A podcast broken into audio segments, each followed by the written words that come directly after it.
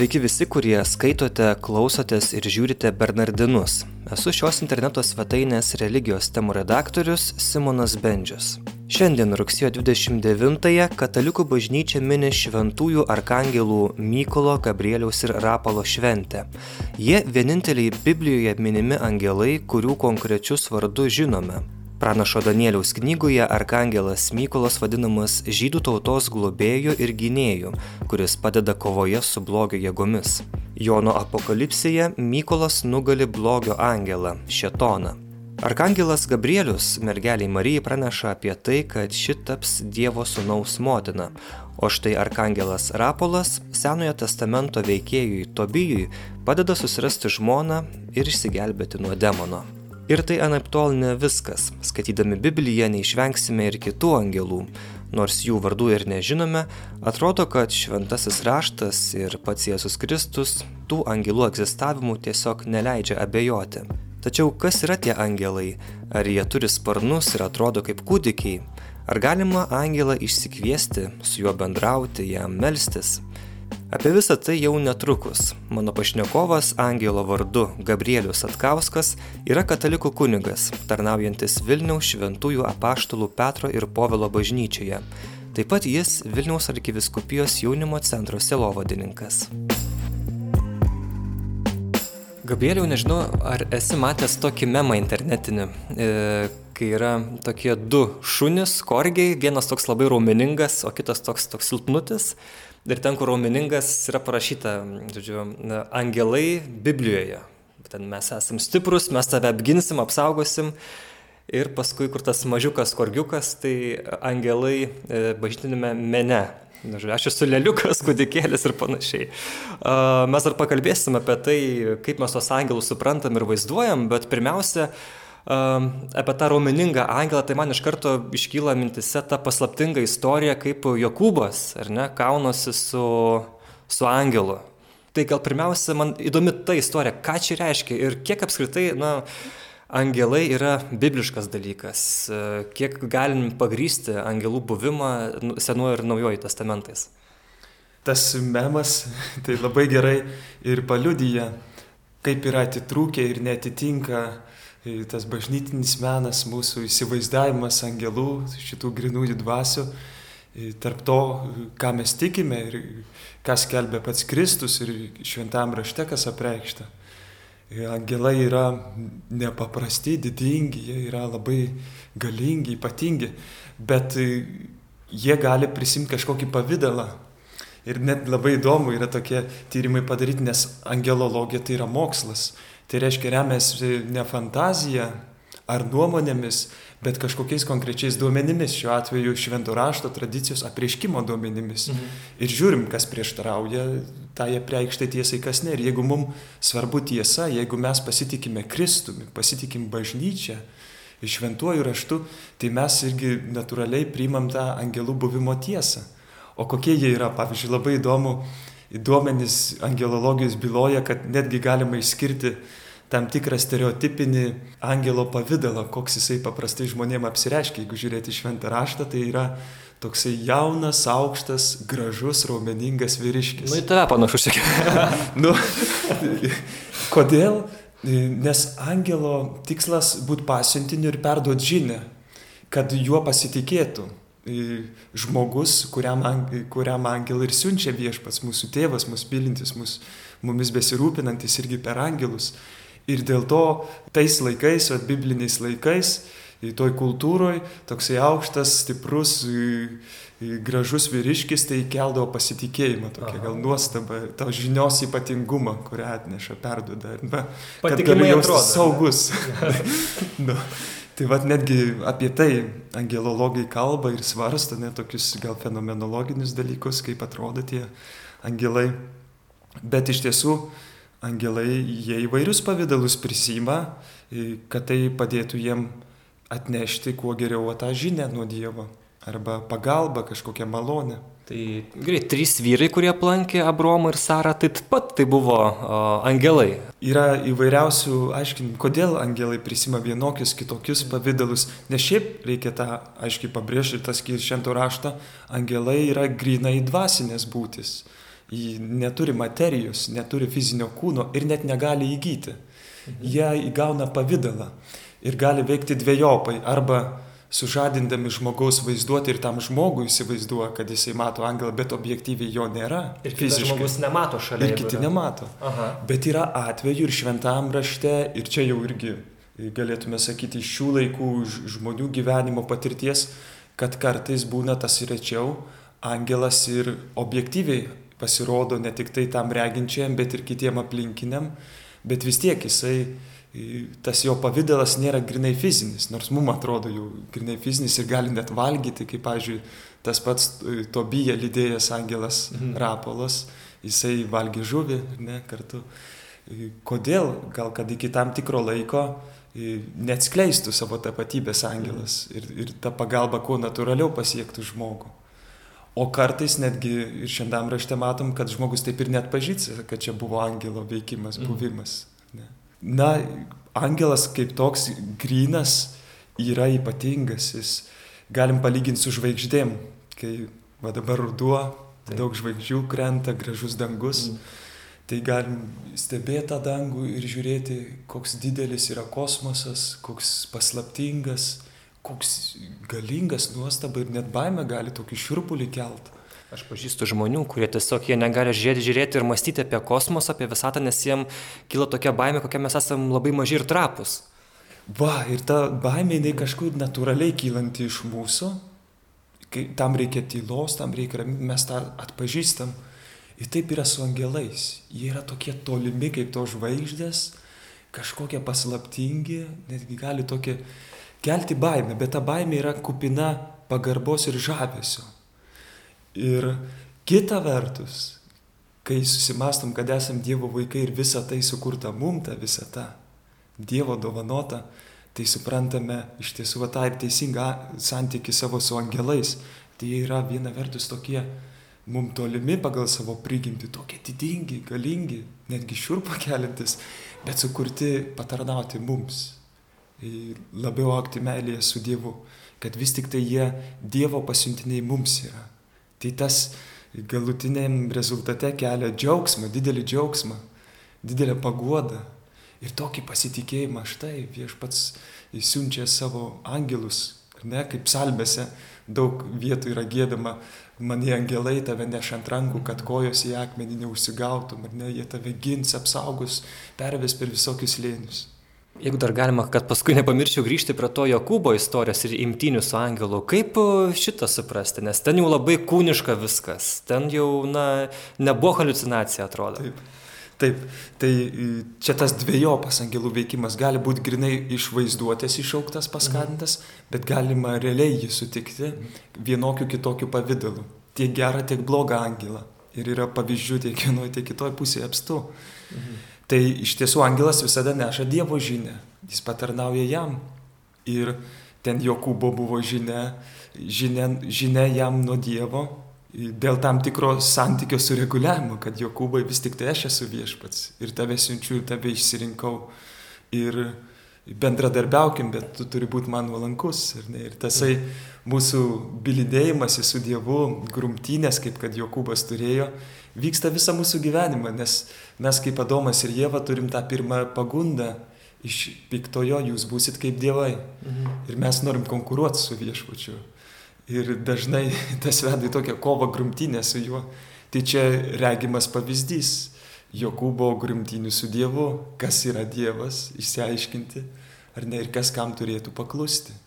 Mhm. Kad galėtų teisingai bendradarbiauti. Ir, ir Dievo valia, Dievo pasaulis, geras, gražus, teisingas kleistusi, galiausiai teisingam santykiai jų tarpusavio. Tai tikrai, ką rodo bibliniai duomenys, angelologijos duomenys, ne fantazijos kažkokie nuomonė, kad yra precedentai ir yra atvejai, kai realiais angelai pavydalais prisima juos ir, ir veikia, ir fiziškai galima juos patirti mūsų pasaulyje, bet tas retai yra. Angelai, kaip suprantu ir kaip pats sakai, tai jie šiaip nei šio, nei iš to nepasirodo. Visą laiką, jeigu tu matai angelą, reiškia jau kažkokia tau žinia nuo Dievo bus vienokia ar kitokia. Taip galim suprasti. Taip. Tai yra reta ir tai yra stebuklas. Mhm. Angelų Pasir... Nes vis tik tai tai yra ant gamtybės pasireiškimas mūsų gamtiniam pasaulyje. Ir tai tikrai nėra įprasta, nėra natūralu, mm. yra supernatural, antgamtiška. Ne, tai... Bet angelai visada yra šalia mūsų. Mes netgi kaip kartais pamirštam, kad kvepuojame, bet tai yra natūralu, mes be to negalėtume gyventi, taip ir angelai yra, taip natūraliai šalia mūsų, su mumis, kaip tie natūralūs kvepavimo dalykai mums Ir dabar mes kalbamės dviese, bet esam keturiesi iš tiesų. Su mumis mūsų angelai sargai yra. Ir taip iš tiesų yra. Tai patalpoj klasiai, kur yra 30 moksleivių, visada turėtume dvigubinti tą asmenų skaičių. Asmenų skaičių, ar ne? Ne žmonių asmenų. Nes angelai yra asmenys, nėra tokius besmenės apskaičiuojamos jėgos energijos. Bet tai yra individualūs asmenys, Ne? Ir nu, dar galėsim pasigilinti jų prigimti, kuri yra mhm. nuostabi ir žavesi kelianti. Dar norėtųsi to tokio pagrindimo iš galbūt e, tos e, gal naujojo testamento e, pusės. Mes dabar esame Petro ir Povelo bažnyčios Zakristijoje ir kai sustikom, rodė į vieną tokią, na, sienoje tokios angelų skulptūros, viduryje paveikslas Jėzaus nešančios savo kryžių ir Ir angelai iš visų pusių laiko rankose jo kančios įrankius - jėtis, vinis, žnyplės, arškiečių vainikas, e, kempinė atstu permirkyta. Ir labai įdomu, ką simbolizuoja būtent e, šitas meno kūrinys, e, prie ko čia angelai ir Jėzaus kančia ir, ir, ir pas Jėzus. Tai iš tiesų yra tipiška bažnytinė bendė toks vaizdavimas. Mes matėme penkių Jėzaus žaizdų altorių su kryžiumi ir matom jo šonę, rankose, kojose tas žaizdas. Ir angelai buvo sukurti Kristaus ir Kristui. Jie priklauso Kristus Kristui. Kristus angelas. Taip, nes jis irgi dalyvavo kaip žodis dar prieš pasaulio sukūrimą. Mhm. Logos. tėvas Logosas. Mhm. Ir visas kūrimas ir pasaulio mes išskiriam paprastai tėvą kaip pagrindinį kurėją, bet dalyvauja kūrime visa švenčiausia trejybė. Tai ir Kristus. Ir angelai jie patarnauja Kristui. Mes matom daugybę epizodų nuo pat įsikūnyjimo, nuolatinio angelų patarnavimo Kristui jo išganimo misijoje. Tai jų ir tikslas tam išganimo kelyje pagelbėti žmonėms. Ne, jie tokie kaip tarpininkai, palydovai, padėjėjai mums yra. Šiuo atveju jie išryškina tuos Jėzaus meilės atributus nes tos vinis ir plaktukas, kurie šiaip jau yra žiaurūs įrankiai, jie kontekste Golgotos ir Velykų, jie mums tampa išganimo simboliais. Ir jie kaip padedantis Jėzui jo išganimo misijoje, išryškina, sudėlioja akcentus tų įrankių, kuriais mes buvome išgelbėti, kurie viena vertus žiaurus buvo, bet mirtis buvo nugalėta. Ir ne per tai. Tai visur beveik, kur mes regim Kristų ir per įsikūnymą, ir per prasidėjimą Marijos iščiose, ar ne, prasideda viskas nuo angelo atneštos žinios. Kai gimsta prakartėlė, angelai gėda viešpačiu Jėzui. Angelai patarnauja Jėzui dykumoje per 40 dienų. Angelai ypač sustiprina Jėzų ir godžia alyvų sode prieš prisimant kančios taurę. Angelai praneša apie prisikėlusi Kristų pirmieji moteriams atėjusiems į tuščią kapą. Angelai galiausiai ir palydi Jėzų į dangų šeštinių dieną ir sako apašlam, ko stovite, mhm. vyrai galilėjiečiai. Tas, kuris nužengė į dangų laikų pabaigoje ir sugrįš ir pats Jėzus pažada, kad aš sugrįšiu su savo angelais. Tai iš tiesų matome visą Jėzus gyvenimą svarbiausiose momentuose angelų veikimą, kurie Jėzaus dieviškumą irgi apreiškia. O iš kur mes tada žinome, kad e, kiekvienas iš mūsų taip pat turim po angelą sargą? Jėzus kalba vienoje švento rašto vietoje, jų yra kelios. Tai tą galėtų angelologai jau ten nuosekliai pristatyti, bet aš atsimenu tą vietą, kur Jėzus sako, net ir šitų mažutėlių, neskriauskite jų, nes jų angelai nuolatos regi mano dangiško tėvo veidą. Ir Jėzus kalba apskritai apie visus mažutėlius, vargdienius, apie visus žmonės. Ir leidžia suprasti, kad kiekvienas iš mūsų turime va tokį angelą sargą, globėją. Tai čia vienas iš pavyzdžių. Tų biblinių duomenų yra gausu. bylojančių, kad turime kiekvienas mums skirtą sargą, ne tarną, kad vat, negalvot, kaip angelas tai yra kaip mano naminis gyvūnėlis, bet sarga, nes jie yra didingi. Veikiau mes jiems atrodom kaip naminiai gyvūnėliai, kuriuos jie turi prižiūrėti, jeigu jau taip kalbėt, nes jie nepaprastai yra protingi, galingi tokie, spindintys Dievo šlove. Kuo angelai yra panašus į mus ir kuo jie yra visiškai skirtingi? Gal lengviau kalbėti apie tai, kuo skiriasi, Gerai. nes iš tiesų angelai, na, angelas yra grinoji dvasia, jis neturi fizinio kūno ir dėl to jisai nėra pribotas nei laiko, nei erdvės. Angelai ir nebuvo sukurti laikė. Angelai buvo sukurti dar prieš pasaulio sukūrimą.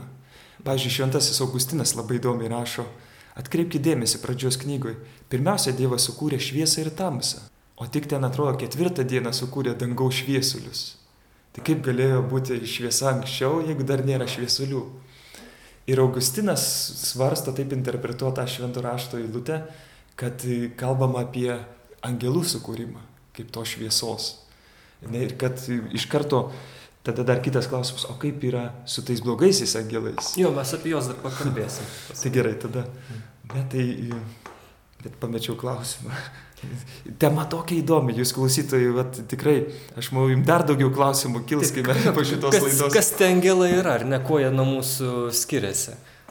Yra grinoji dvasia, reiškia, dvasia būdinga e, protas, intelektas ir valia. Reiškia, juose protas, intelektas yra visiškai įsipildęs, tobulas. Angelam nereikia laiko skaityti ir ruoštis kaip mums šitai laidai, mhm. Ten kažką pavartyti, skirti valandą knygai, kad suprastume kažkokią idėją, pažintume. Jiems to nereikia, jie iš karto intuityviai pažįsta viską. Ne, vienu metu ir jų toks kontemplatyvus yra pažinimas, intuityvus. Mūsų yra racionalus, mums reikia laiko, mes, mums reikia jėgų, gliukozės daug sudeginti, laikyti tiesiai nugarą, kad nesigūtume.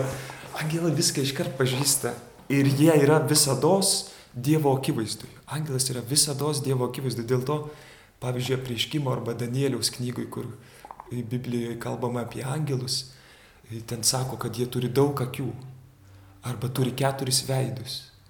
Tai reiškia, kad jie gali būti keliose vietose vienu metu. Pirma, jie visada yra Dievo akivaizdoje, jie regi viešpatį, Dievą. Mes, pavyzdžiui, Dievą galime regėti iš jo kūrinių. Kūrinyje yra lyg veidrodis, kuriame mes matom Dievą. O angelai pasaulį ir kūrinyje mato žiūrėdami į Dievą. Dievas jiems yra kaip veidrodis, kuriame jie mato pasaulį ir mus. Škai jie yra visada Dievo akivaizdui ir žiūrėdami į Dievą jie mato pasaulį ir mus, mato Dievo mintis. E, taigi dėl to, kad norėjau sakyti tą simbolį, kad jų kartais vaizdavimas yra kaip keliaveidžių. Reiškia, kad jie gali būti keliose vietose vienu metu. Kodėl? Nes jie nėra materialūs. O dvasia yra didesnė už materiją. Ir ne materija priboja dvasę, bet veikiau dvasia yra apsupusi visą materiją. Nu čia jau skamba taip įdomi. Aha, nu, čia reikia gal paaiškinimo. Bet kad suprastume, jog vis tik tais mes, fiziniai kūriniai, esam kaip ta žuvis ežerėlyje. Ir mes sakyti, kad nieko už ežero daugiau nėra, negalime. Mes nematome. Ir taip ir ta dvasia, dvasinis pasaulis, jis yra daug didesnis ir mus apsupęs. Ir dėl to angelai, jie pajėgus, būdami grinoji dvasia, būti keliose vietose vienu metu. Taip, bet pirmiausia visada yra su Dievu. Mm. Angelai bendrauja tada mintimis Taip. vienas su kitu. Vienas su kitu jie bendrauja tiesiogiai, nes yra grina dvasia. Nu, galėtume sakyti, telepatiškai, mentališkai, telepatiškai. Mm. O su žmonėmis įvairiai, netiesiogiai gali. Pavyzdžiui, kaip angelas mesga santykių su žmogumi, tiek geras, tiek blogas, žadindamas jo vaizduotę jisai turi tam tikrą lauką mumise, kur gali veikti, tai yra mūsų vaizduoti ir jausmai. Bet jis niekada negali mūsų priversti. Geras angelas balsuoja už mus, mhm. blogas angelas balsuoja prieš mus, bet mes pasirenkam, kaip bus. Vis tik tais. Nes būna vaizduoja vienas ant vieno pėties. Tai kitas ant kito filmukas. tai taip iš tiesų ir yra. Ir yra nu, toks simbolis, aišku. jisai, kuris parodo, kad vis tik angelas negali mūsų privers kažko daryti. Jisai gali įtaigoti mūsų vaizduotę jausmus, bet jau mes pasirenkam, ar klausyti to ar ne. Dar grįžtant prie angelų prigimties, kaip yra įdomu. Angelai yra tokie skirtingi ir ypatingi. Įsivaizduokime, analogiškai būtų, kad Žemėje tai yra vienas šuo. Nėra kito tokio šuns. Apskritai nėra antro šuns. Taip. Arba yra tik viena katė, tik vienas uodas, tik vienas dramblys. Daugiau nėra tokio. Taip angelai ir skiriasi vienas nuo kito. Reiškia, kiekvienas angelas jau yra kaip rūšis. Oho. Ir nėra kito tokio. Ir kadangi čia yra dvasinis pasaulis, visi atributai, tiek gerumas, tiek blogumas, tiek gražumas, tiek skirtingumas, daug labiau giliai yra labiau išreikšti negu fizinėme pasaulyje, nes mes apriboti esame materijos. Taip kad tas skirtumas, skirtingumas yra dar didesnis negu tarp šuns ir katės, Oho. tarp tų angelų, yra unikalus. Įsivaizduokim, kaip pavyzdžiui būna, nu kokį čia pavyzdį, kariuomenė, yra laipsniai. O čia darykim pertrauką, nes ateis klebonas. Gerai, padarom pertrauką. Muzikinę.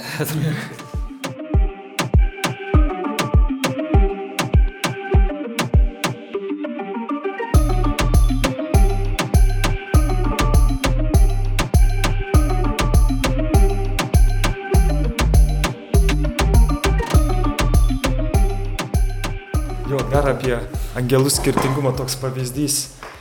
Pavyzdžiui, kariuomeniai. Įsivaizduokim, kad yra vienas eilinis, vienas grandinis, vienas kapitonas ir tų žvaigždučių daugėja, bet to, toj pačioj grupiai nėra dviejų kapitonų.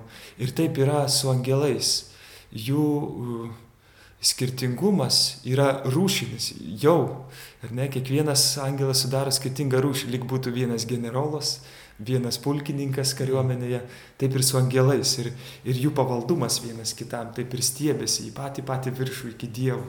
Kaip su hierarchija yra? Mes girdam apie serafimus, e, cherubinus ir kiek vėlgi tai yra bibliškai, o ir, ir kaip ten galime įsivaizduoti, kas ten kam pavaldus yra. Tai vėlgi iš tiesų čia nėra iš fantastikos ryties, remiamasi griežtai yra tokie metodai tyrinėjimo ar ne angelologijos ir tyrinėjimo apreiškimas, yra tam tikri bibliniai duomenys, remiantis jais. Bet e, šita hierarchija vėlgi jau nėra tikėjimo tiesa. Jeigu jums kyla abejonių, čia nėra, kad būtinai jau turi tą išpažinti, priimti. Mhm. Bet ko mes tikrai tikime ir išpažįstame, krikščionys, kas nuo pirmo amžių buvo mokoma bažnyčios šventam rašte, angelų buvimas. Tas. Dabar dėl hierarchijos, klasikinė angelologijoje yra devyni angelų chorai. Ir pirmieji angelai tai yra paprasti angelai, mūsų angelai sargai, kurie mus globoja, mums padeda, mus veda šiame gyvenime. Yra tobulesni, aukštesni angelai, antrasis choras arkangelai tai jie jau ypatingai atneša kažkokią Dievo žinę, atlieka kažkokias ypatingas misijas Dievo pavestas. Tai kaip Mykolas, Rapolas, Rapolas ir Gabrielis. A, šitie. Pavyzdžiui, kaip Marijai Arkangelas Gabrielius atneša Dievo žinę. Trečias choras tai yra e, kunigaikštystės. Tai angelai, kurie jau rūpinasi bendruomenių, tautų, valstybių, karalysčių Tai Lietuva globa. turi savo. Taip, taip, ir mes turim irgi, ne, įdomu nuo kada, jeigu taip žiūrėti. Ar nuo Mindaugo laikų, ar, ar vėliau, kai priemėm krikštą, nu, nežinau. Nežinau, bet tikrai apie tai kalbama čia aiškiai šventame rašte, kad kiekviena tauta turi savo angelą sargą. Plan, planeta, globė... tarkim, jeigu, jeigu ir kitų gyvenimo planetų yra, gali turėti planetas savo Jeigu yra, sargų. ir jeigu jiem reikia Kristaus išganimo, mhm. nes Kristus mirė už visus žmonės, mhm. tai tada taip, jie turi. O. Nes angelai padeda Kristaus išganomajame darbe. Mhm. Tada yra tie devyni chorai skirstomi į tris triadas. Pirmoji triada, va štai už, užskliauskime, tai yra angelai, kurie veikia žemėje. Mhm. Angelai sargai, arkangelai ir kunigaikščiai, kurie globoja tautas, valstybės, karalystės. Yra antroji triada, tai nežinau, kaip pavyzdį, kaip koks valdymo centras. Tai jie yra valdžios, galybės ir viešpatystės. Tai jau jie kažkaip koordinuoja, reguliuoja visų kitų angelų veikimą. Jie stebi ir prižiūri Dievo apvaizdos planą, vystimasi žmonijoje, Dievo apvaizdos. Ir yra aukščiausioji triada, e, trys chorai angelų, kurie jau kontempliuoja, yra kontempliuojantis angelai. Jie yra arčiausiai Dievo. Tai taip eilės tvarka einant iki aukščiausių, tai būtų sostai jie, jie tada yra mm, cherubai, cherubinai, mes girdim visai mišiose apie juos, aha. ir serafai, serafinai. Serafinai, jie yra arčiausiai Dievo ir išvertus šitas žodis reiškia liepsningiai. Jie mato tą Dievo šviesą, jo meilės liepsną, jie ją kontempliuoja. Pavyzdžiui, cherubai, cherubinai, jie išvertus šitas žodis reiškia, jie yra pilni išminties, jie kontempliuoja tą dievišką tiesą, jo išmintį yra kupini jos patys. Tai pavyzdžiui, Luciferis, jisai buvo serafas, tas iš aukščiausių angelų. Luciferis išvertus reiškia šviesos nešėjas. Mhm. Ar ne, kuris dėja, vėlgi čia yra daug slėpinio, mes iki galo neturime atsakymų, galime remdamėsi duomenimis daryti kažkokias prielaidas, kodėl įvyko nuopolis ir kaip įvyko, bet Luciferis buvo tam aukščiausiam chore angelų. Ir su visu tuo tobulumu, tą galybę, tuo grožiu jisai atsigrėžė prieš Dievą ir jo kūrinyje į kovą. Ir tai yra baisu iš tiesų. Taip ir mes jau dabar pernam prie tų blogųjų angelų arba kaip čia demonų. Tai yra slėpinys, kaip ir pats sakėjai, dėl ko Luciferis nusigrėžė nuo Dievo, ar ne, ir, ir dėl ko panoro kenkti žmogui, ar ne, prieštrauti Dievui. Kaip ta kova galėjo vykti? Na, mes įsivaizduojam mūšiai, kalavijai, kardai ir kažkas panašaus, o kaip ta kova tarp angelų, jeigu įmanoma įsivaizduoti tai? Aišku, kad tai nebuvo laike, Tai buvo prieš pasaulio sukūrimą. Čia telepatiškai jie kažkaip tada, ar, ar, ar tiesiog... Jų bendravimas yra visai kitose kategorijose ir lygmenys negu mūsų žmonių. Taip. Mes neturime nieko panašaus, jokios patirties su kuo palyginti, dėl to labai sunku įsivaizduoti.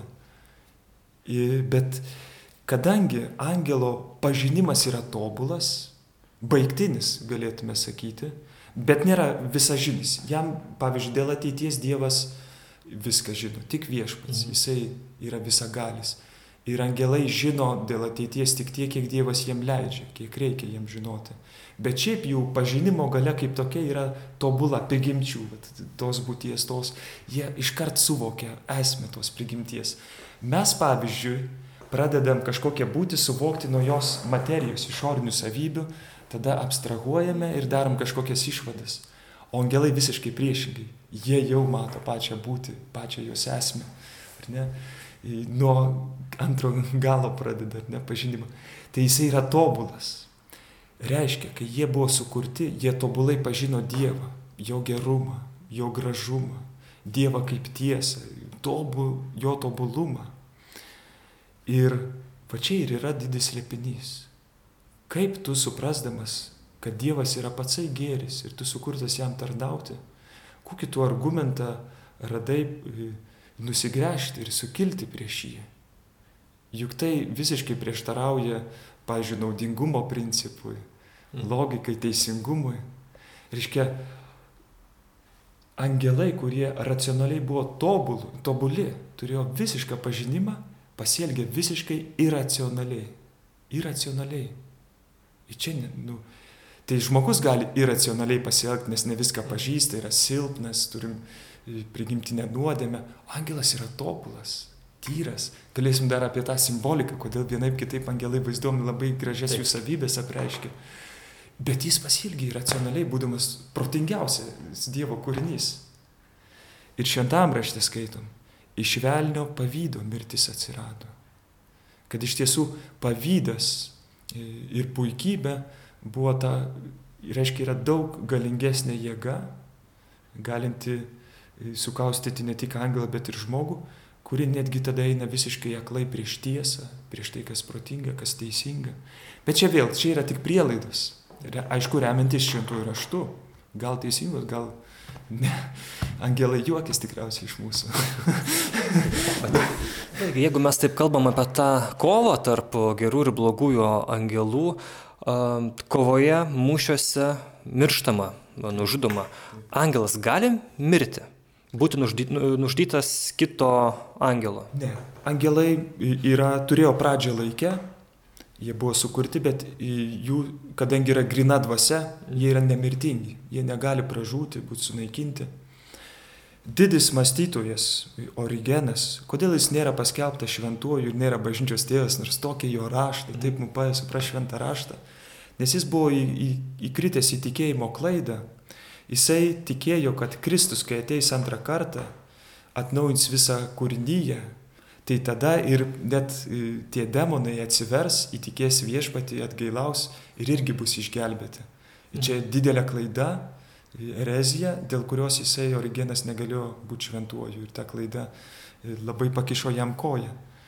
Dėl to, kad, bet ką pradžioje sakiau, jie tobulai pažino tiesą, reiškia ir jų valia visiškai laisva, bet koks jų pasirinkimas yra negryžtamas, galutinis. Žmogus, kai mes renkamės, mes galim pasakyti, a, kad suklydom ir taisytis, nes kažko iki galo nežinojom arba buvom silpni, O angelas kaip visiškai tyras, šventas ir tobulai pažįstantis tiesą, jeigu jis kažkokį sprendimą daro, tai yra galutinis, jis negali pasiteisinti, kad nežinojau. Arba, a, nu buvau silpnas, tingėjau, dėl to blogai pasirinkau. Jis daro tobulus sprendimus, dėl to jie yra galutiniai. Ir kai angelai buvo kuriami, čia ir yra slėpinys, kodėl vieni pasirinko netarnauti viešpačiui, kiti sutiko atitikti savo misiją, prigimti. Ir, ir tas sprendimas yra galutinis. Ir tas mūšis vyks amžinai tarp angelų. Šventam rašte mes žinom tą vietą iš aprieškimo knygos, kai danguje pasirodė moteris apsisiautusi saulė, paskojų vainikas ir kad irgi pasirodė slibinas, kuris iš dangaus nužėrė trečdalį žvaigždžių. Mhm. Kai pradėjom nuo žvaigždžių mūsų Tikrai. pokalbį. Tai Augustinas, pavyzdžiui, sako, kad simboliškai tos, tas trečdalis žvaigždžių ir gali vaizduoti, aišku, dvasinę prasme, tą angelų nuopolį, kritimą iš dangaus. Ir kad ko gero, vat, koks trečdalis jų ir krito. Ne?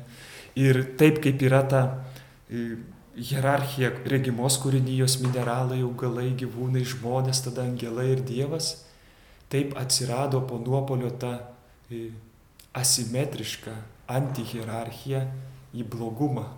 Ne, demonai mažesni, vis didesni, galingesni iki Luciferio. Kaip kad ir jisai serafas buvo. Ir eina visiškai į priešingą pusę. Ir, ir tam nebus galo. Ne? Tai Ta, Dievas nesunaikins Luciferio niekada. Ir žinai, kaip kad nesunaikins ne vieno žmogaus. Mhm. Nes mūsų siela nemirtinga. Dievas nieko nenaikina, tik tai kūrė. Bet e, kaip atsirado blogis? Angelai buvo sukurti kaip geri, bet blogis atsirado iš jų paties pasirinkimo moralinio. Angeluose atsirado pirmasis blogis, moralinis. Ir tada mes buvom tuo blogiu sugundyti mhm. ir užsikrėtėme, ar ne? Ir ta kova vyksta tarp Dievo ir piktojo, o kovos laukas esame mes. Norim to ar nenorim. Kodėl negali Dievas ir taip pat gerieji angelai sutramdyti demonų? Tiesiog, na, ne tai, kad nesunaikinti jų, ar ne, nes tie nemirtingi, bet taip kažkaip sutramdyti, suvaržyti, kad jie, na, nepultų žmogaus, ne, negundytų. Juk atrodo, gėris turėtų būti galingesnis, ar ten apylygės jėgos yra, jeigu nes leidžiama. Grinai dvasiai būdinga, ką, ką minėjom, intelektas ir valia. Tiesiog jų yra prigimtis, jie yra laisvi. Ir dėl to net Dievas ar kiti angelai negali priversti, kaip kad angelai negali žmogaus priversti kažką mhm. daryti. Jis gali tik tai stimuliuoti, kažkaip manipuliuoti mūsų vaizduotę, mūsų jausmais, bet mes galiausiai pasirenkam, kaip darysime. Taip ir tų blogųjų demonų atžvilgių, net egzorcistas egzorcizmo metu, jisai ne jėga kažkaip išvaro piktąją dvasį iš žmogaus, bet jisai išprašo ją, kad išeitų. Išprašo Jėzaus Kristaus vardu. Taigi mes galime kovoti prieš piktąją dvasę ir viešpaties geriai angelai kovoja įtaigodami juos, įskatindami kažkaip. Ir mes tą darome malda šaukdamiesi gerųjų apsaugos, globos. Bet negalime paveikti piktosios dvasios ir Dievas niekada neveikia prievartą, ne vieno kūrinio gyvenime. Niekada. Tik materija gali būti veikiama prievarta, nes jinai nėra laisva. Angelai žmonių atžvilgių negali kažko mūsų privers daryti, jie gali mus skatinti per jausmus, per vaizduotę. Labai retais atvejais gali mus apsaugoti, įsikišti į mūsų fizinį pasaulį. Bet tai nereiškia, kad galime greitai bet kada važinėti automobiliu. tai kas tada bus su demonais pačioje laikų pabaigoje, kai visa bus perkeista, kai e, tikime, kad jau na, nebebus žemėje ir visatoje e, blogio, tai kur tie bus nulindę, nukišti, nu, tiesiog kur tie bus demonai, nes jie jau nebekenks nei žmogui, nei, nei niekam, kai, kuo mes tikim. Aišku, kuo skiriasi demonai nuo gerų angelų, jie neregi Dievo veido. Mhm. Ką vat pradžioje akcentavau, angelas visada yra Dievo akivaizdoj ir taip pat iš karto šalia to globojamojo savo asmens žmogaus. O velnės yra ten, kur nėra Dievo. Jis yra e, nuolatiniam liūdėsi, pagėžui, pyktyje, nerime. Ir ta vieta yra pragaras. Ir apie tai pats Jėzus daug kartų kalba šventam rašte, ne tik senam, naujam testamente yra daugybė Jėzaus citatų, kur įspėja apie, apie pragarą, ar ne? Tai ta vieta, kur bus amžinas liudesys, nerimas, pagėža, beprasmybė. Ir, ir jie bus tenai. Nes viešpats visą, ką sukūrė, ypatingai angelus ir žmonės, kurie turi nemirtingą sielą, dvasia yra nemirtinga, sukūrė kaip amžinus ir gerbė va tą jų laisvą valią. Jis gali skatinti žmonės, nes kaip jau sakiau, angelai jie tobulai pažįsta ir jų sprendimai yra galutiniai. Angelas negali gailėtis savo veiksmų, ar gali? Jis netgi nesvarsto apie tokią mintį. Jis pačia savo būtim esmė yra kovoje, prieš priešoje, neapykantoje, prieš Dievą ir viską, kas susiję su Dievu. Net tokios galimybės nėra. Dėl to, kad jų pažinimas tobulas ir valia ir tie sprendimai yra galutiniai. Jis galėjo, kai buvo sukurtas. Ir kažkaip e, svarstyti, pasirinkti, bet po to jau yra viskas galutinai.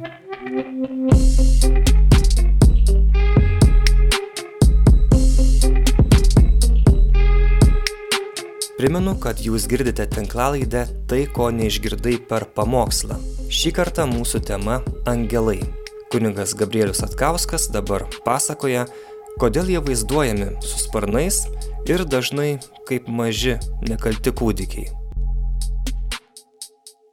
Iš tiesų yra tokie didingi angelai, kad jie jų atributai, simboliai, jie e, veda į supratimą apie tam tikras galės, savybės angelų. Pavyzdžiui, sparnai.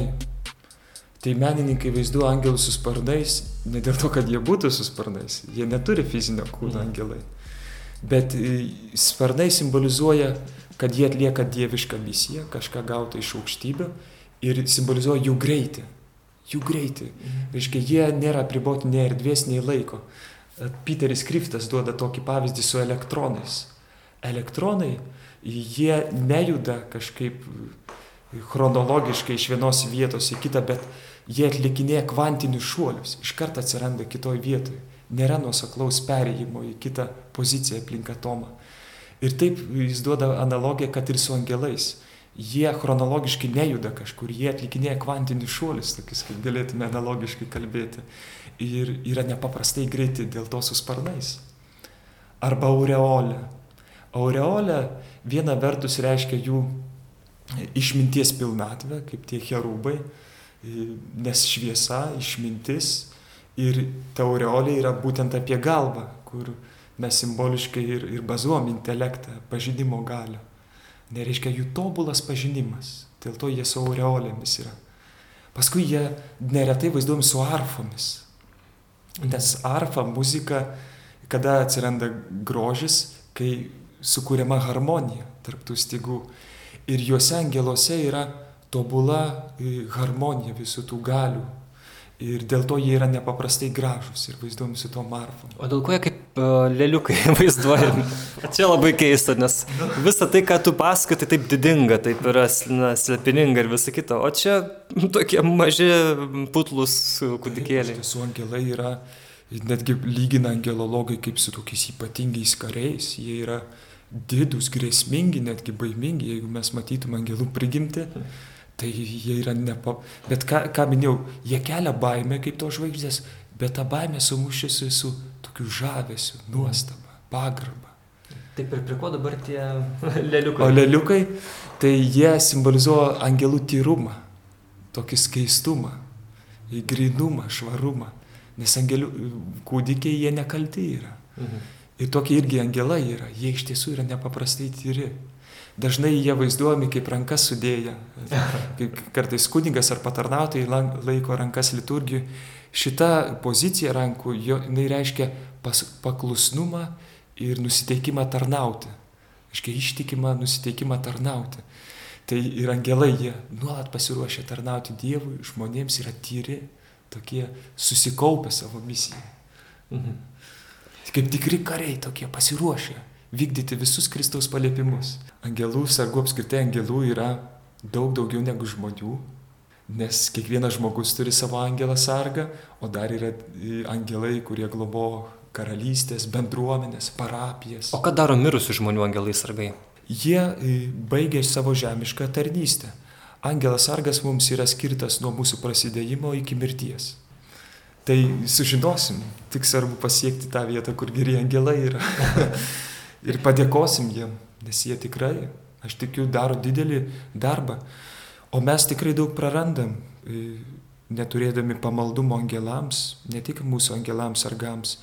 Štai, pažiūrėjau, Leonas XIII popiežius, kai buvo istorinių daug visokių išbandymų, pasauliniai karai, jisai nurodė visai bažnyčiai po kiekvienų mišių kalbėti maldai Arkangelą Mykolą. Mhm. Ir dabar daugelį bažnyčių su popiežiaus Pranciškaus paraginimu vėl atgimsta ta malda, nes kadaise buvo privaloma po kiekvienų mišių, paskui padarė laisvai ir išnyko. Ir dabar vėl popiežius Pranciškus ragina taip laisvai, tai žinau bažnyčių, kur po kiekvienų mišių šaukėsi Arkangelo Mykolo apsaugos. Žinau šventųjų, kurie taip nuolatos bendravo, draugavo su savo angelu, kalbėjosi, mes galim kalbėtis. Kaip Dievas mus girdi visą laiką, supranta, taip angelai gali mus girdėti irgi. Jie žino mūsų mintis. Ar... Jeigu leidžiam, jeigu leidžiam, jeigu mes norime tik tais. Bet jie į jėgą įsiveršti ir sužinot negali. To negali padaryti. Tik jeigu mes leidžiamės. Bet mes galim ne tik tai lūpom bendrauti su savo angelu, bet mintimis irgi. Ne?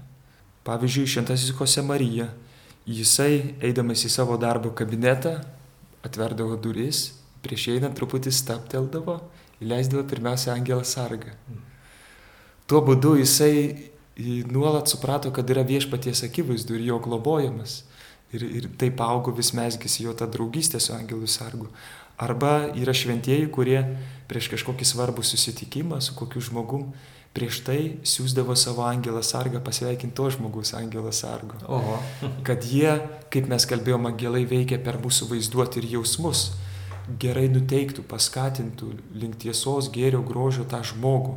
Ar ne, ir kad tas susitikimas būtų sėkmingas, kupinas Dievo garbės jau šlovės. Tai mes tikrai galime siūsti tam tikras misijas savo angelų sargus, bendrauti su jais, prašyti jų pagalbos. Ir tas vyksta, ir mes turim gražių pavyzdžių.